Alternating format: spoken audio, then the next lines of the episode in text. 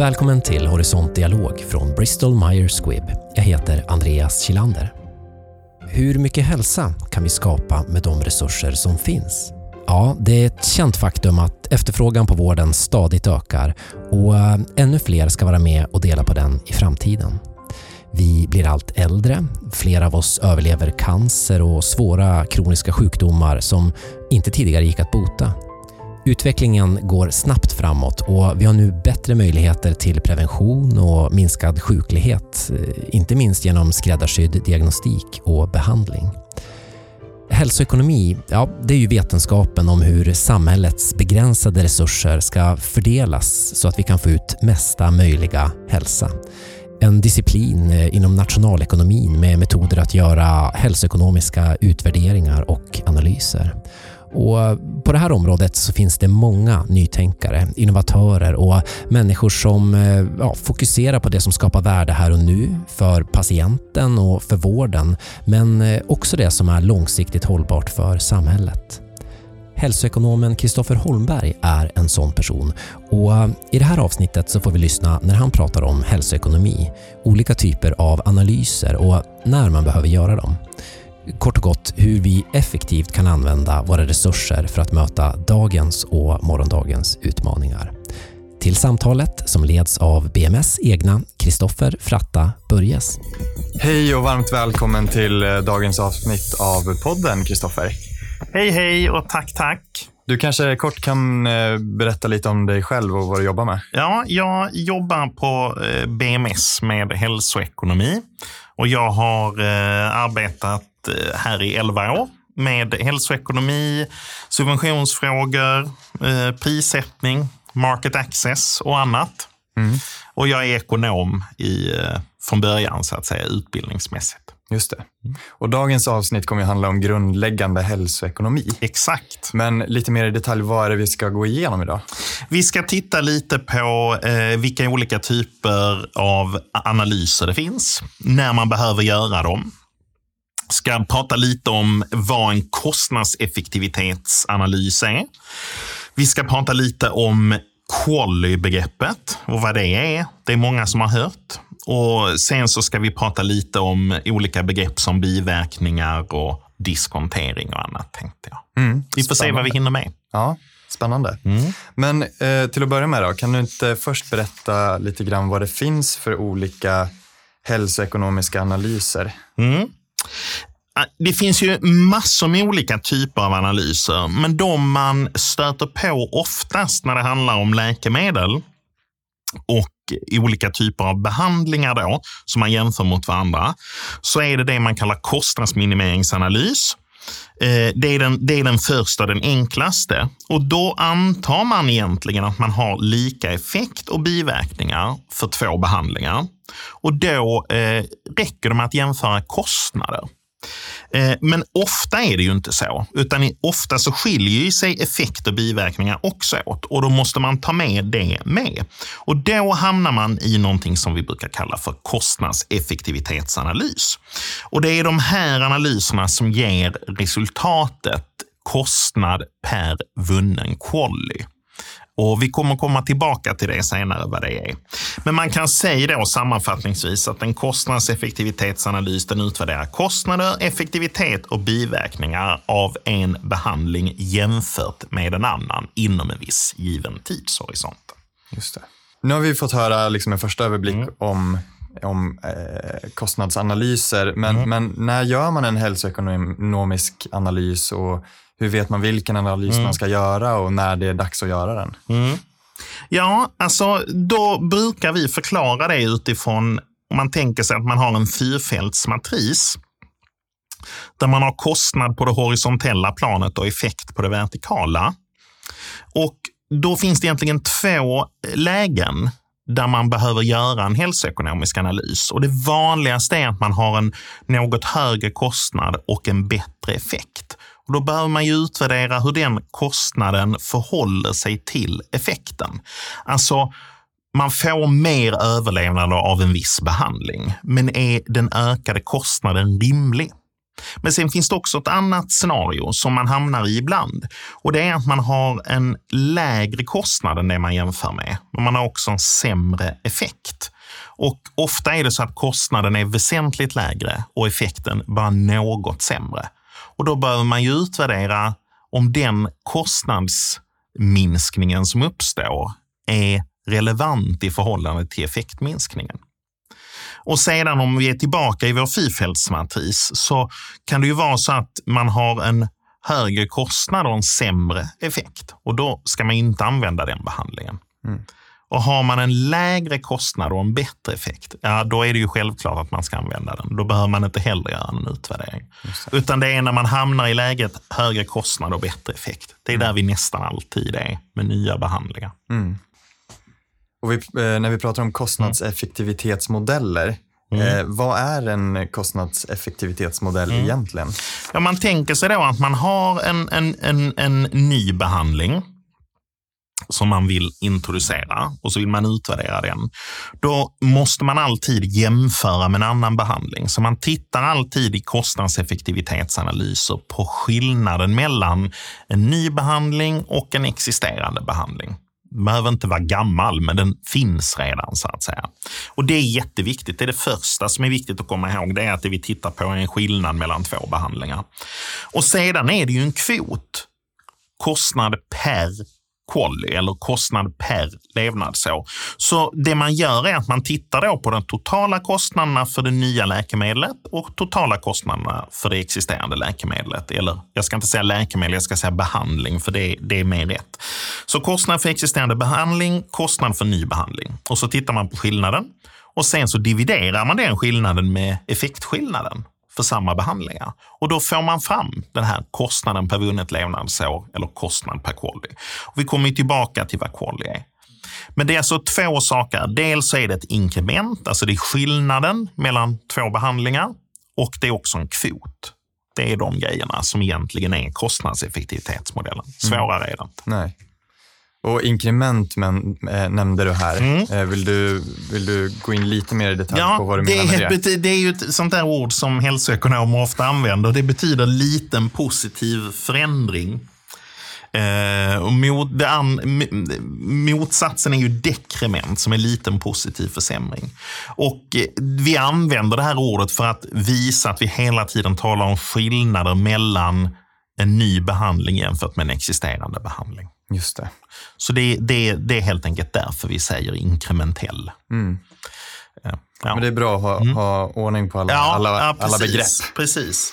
Eh. Ja, så man jämför alltid kostnad och hälsoeffekter av en behandling med en annan. Det är jätteviktigt att komma ihåg. Mm.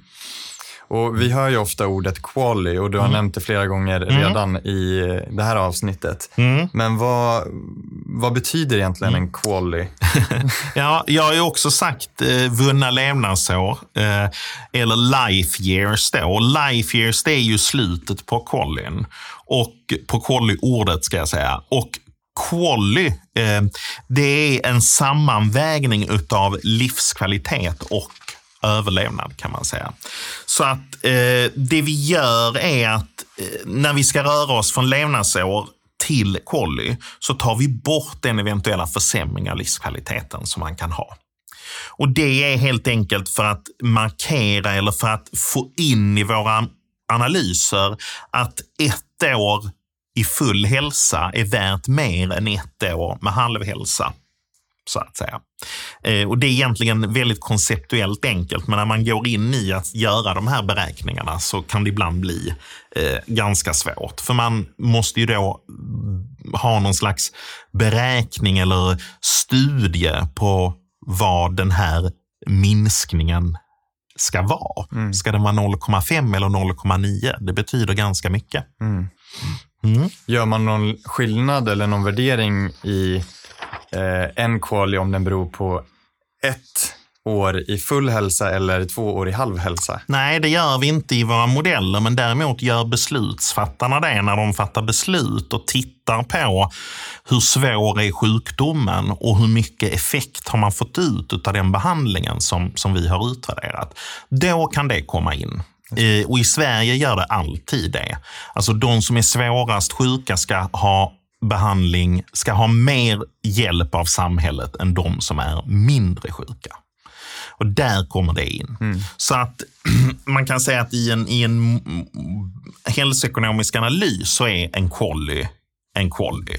Men när man sen ska fatta beslut så är det inte det, utan då beror det på sjukdomen och patientgruppen och deras behov helt enkelt. Just det. Mm. Ja, det är intressant.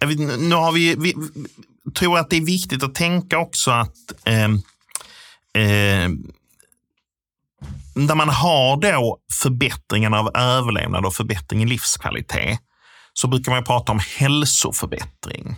Och den består då av två saker. Dels består den av en, en, en överlevnadsaspekt, alltså vunna levnadsår. Dels består den av en förbättring av livskvalitet. Och eh, om, om vi talar om en cancerbehandling, då pratar vi väldigt mycket om överlevnad och tid. Vi pratar också om livskvalitet. Men pratar vi om andra kroniska sjukdomar, till exempel reumatoid artrit, då pratar vi nästan bara om livskvalitet. För den sjukdomen påverkar inte överlevnad i tid jättemycket. Så det, det, det är viktigt att komma ihåg också att eh, hälsoförbättringen är alltid två saker. Livskvalitet och då överlevnad mätt som tid. Just det, beroende på sjukdom. Precis, precis. Då vet vi lite mer vad en mm. quali mm. innebär, men vad får en quali egentligen kosta då? Ja, det är ju en jättebra fråga.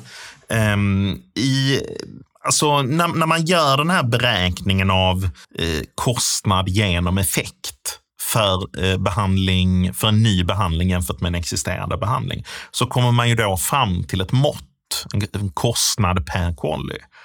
Och eh, i Sverige så har vi inte en alltså en explicit gräns, utan vi har en, en, ett, ett, ett gränsvärde för vad den här kostnaden får vara som beror på behovet hos patienterna och vilken sjukdom det är, om det finns behandlingar som fungerar redan och om sjukdomen är svår eller mindre svår.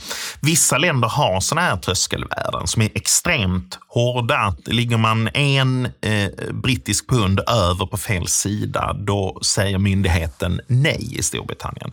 Men man kan säga att i Sverige för en svår sjukdom där det inte finns behandlingar så har de myndigheterna som, som utvärderar eh, eh, hälsoekonomiska analyser. Då, de, de brukar säga runt en miljon kronor per vunnen kolli. Men är det en sjukdom som är lindrigare och det redan finns behandlingar, då sjunker den här så kallade betalningsviljan per kolli väsentligt. Och den, för en, för, för en, en sjukdomsgrupp där det finns behandlingar och den är en, en lindrigare sjukdom så kanske vi pratar om 350 000 eller lägre per vunnen koll som man tillåter. Så det beror på sjukdom och, och behov helt ja, enkelt? Och ja. En eh, quali för ja, en och, svårt sjuk patient kanske får kosta mer. Ja, för... och nackdelen då med det svenska, modell, svenska modellen här, det är ju att det blir lite otransparent. Man vet inte på förhand. Fördelen är ju att man faktiskt kan tillåta sig att ta mer hänsyn till behov och, och då solidaritet än i länder där man har en strikt gräns som man tillämpar. Mm. Mm. Och eh, nu har vi pratat mycket behandlingar mm. och pris eh, och quali och sådär. Mm. Eh, men som du sa tidigare, att, att fokusera på behandlingen är kanske viktigare än att fokusera mm. på priset på läkemedlet. Med ett läkemedel kommer också biverkningar och hur spelar de här in i, i de här analyserna? Alltså, det är jätteviktigt att, att tänka på att det vi utvärderar i, i i hälsoekonomiska analyser, det är behandlingar. Det är inte läkemedel. Läkemedel är bara en del av behandlingen. Och man kan göra en hälsoekonomisk utvärdering av en kirurgisk procedur också. Det går jättebra. Eh, men en vanlig fråga är precis den du ställde nu. Vad, vad händer med biverkningarna? Och svaret är att de är alltid med. Men det är inte jätteofta de spelar stor roll. Och det beror på att eh, biverkningar, eh, dels så handlar det om kostnaden för biverkningar. Som i en vanlig biverkning, låt säga att den drabbar 5 av en patientgrupp. Och om den är väldigt dyr att hantera så handlar det om 100 000 kronor. Ja, och då påverkar det kostnaden per kolli med 0,05 gånger 100 000. Och det är inte en stor påverkan. Och det här fallet, så här extrema fall, har vi, ser vi nästan aldrig.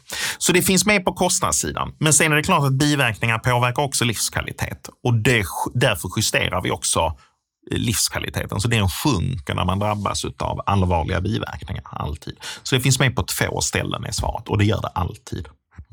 Okej, men hur, hur mycket påverkar priset kostnaden per quali då egentligen?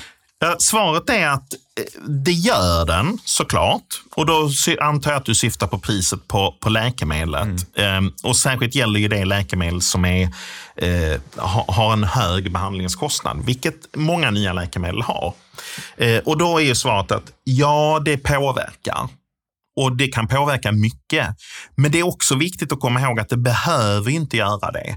Därför att det som driver analysen, kostnadseffektivitetsanalysen, det är ju behandlingen som sådan med alla kostnader jämfört med en existerande behandling och all effekt och biverkningar.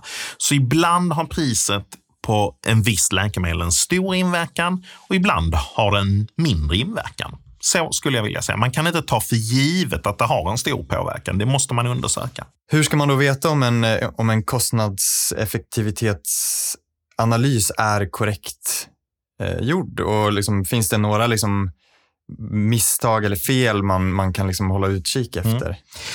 Ja, det är svaret att det gör det. För när man beräknar den här kostnaden per vunnen quali eller kostnaden per inkrementell quali så är den kan man säga att den rör sig alltid i den gråskala. Den beror på en mängd antaganden och på data och eh, på, på eh, kan också handla om en prislista från en viss region till exempel. Ja, och därför är det jätteviktigt att man varje gång man beräknar en kostnad per kolli också gör känslighetsanalyser och tittar på vad händer om jag byter ut den här prislistan som jag har använt mot ett annat pris på en viss biverkning eller vårdinsats. Vad händer om jag ändrar kostnaden för behandlingen med, med läkemedel A jämfört med läkemedel B? Ehm, och då bör man alltid fråga efter känslighetsanalyser när man får eh, en kostnad per kolli presenterad för sig. Och känslighetsanalyser kan man göra på flera sätt, men det vanligaste är att man ändrar en eller två parametrar i modellen åt gången. Eh, jag menar inte två specifikt, utan en eller flera ska jag säga. Och sen kan man också göra känslighetsanalyser med hjälp av statistiska fördelningar där man ändrar alla parametrar samtidigt i modellen. Det är lite överkurs och det kan vi hoppa över, men Fråga alltid efter en känslighetsanalys därför att kostnaden per kolli den, den, kan aldrig vara ett visst värde utan den rör sig alltid i en gråskala. Ja, just det. Tack. Mm.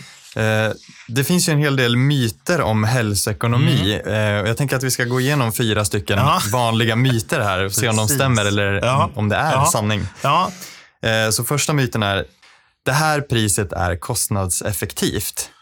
Det har vi ju pratat om, att ett pris är inte kostnadseffektivt, utan det är ju en behandling som är kostnadseffektiv jämfört med en annan behandling. Priset är ju bara en del. Och då antar jag att du syftar på priset på ett läkemedel. Det är mm. bara en del i kostnadseffektivitetsanalysen. Just det, så det är en myt helt ja, enkelt? Ja, det är en myt. Nästa eh, eventuella myten då. Det här läkemedlet är kostnadseffektivt. Ja, det är ju så som vi har sagt nu några gånger att man jämför ju alltid en behandling med en annan behandling. Och Det betyder att ett visst läkemedel är inte kostnadseffektivt utan det är behandlingen där det läkemedlet ingår som kan vara kostnadseffektivt jämfört med en annan behandling där ett annat läkemedel ingår. Mm. Eh, och det, det, här är ganska semantiskt men det är ändå viktigt att veta om de här skillnaderna. Just det. Mm. Att man tittar på hela behandlingen. Precis, inte på det gör vi alltid. Mm. Så det är en myt också då. Mm.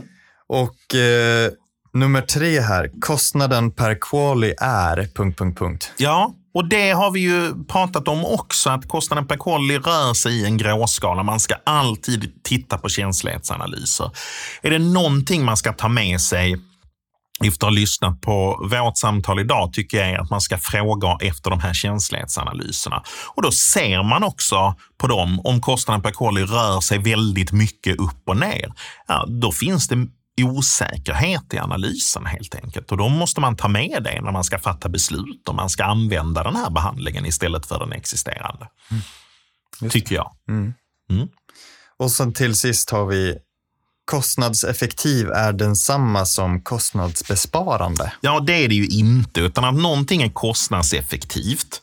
Alltså att en behandling är kostnadseffektiv, att man säger det, det betyder att den förmodligen kostar lite mer, men också ger bättre effekt än det man jämför med. Så kostnadseffektiv betyder helt enkelt att man använder de pengarna man satsar på ny behandling på ett smart sätt på ett bra sätt. Kostnadsbesparande, det kan, det, kan nya behandlingar vara ibland. Att man, man sparar pengar i sjukvården eller i samhället. Men kostnadseffektiv, det betyder att man tillåter en, lite, en något ökad kostnad därför att man får ut mer effekt också. Kan man säga att man får det man betalar för? Ja, lite så kan man nog säga. Och framför allt så skulle jag säga att man vill veta vad man betalar för. Just det. Mm. Det var allt vi hann med idag. Tusen tack Kristoffer för att du gästade. Hoppas du tyckte att det var roligt. Det var jätteroligt. Tack ska ni ha. Tack för att du har lyssnat på Horisont Dialog. Vi hoppas att du har fått nya tankar, inspiration och kunskap som du kan ta med dig in i din vardag och dina egna sammanhang. Blir du nyfiken på fler aktuella frågor och samtal med forskare, vårdgivare, beslutsfattare och andra så rekommenderar jag att besöka horisont.bms.se och det är horisont med ett Z. Stort tack igen för att du har lyssnat. Ha en bra dag.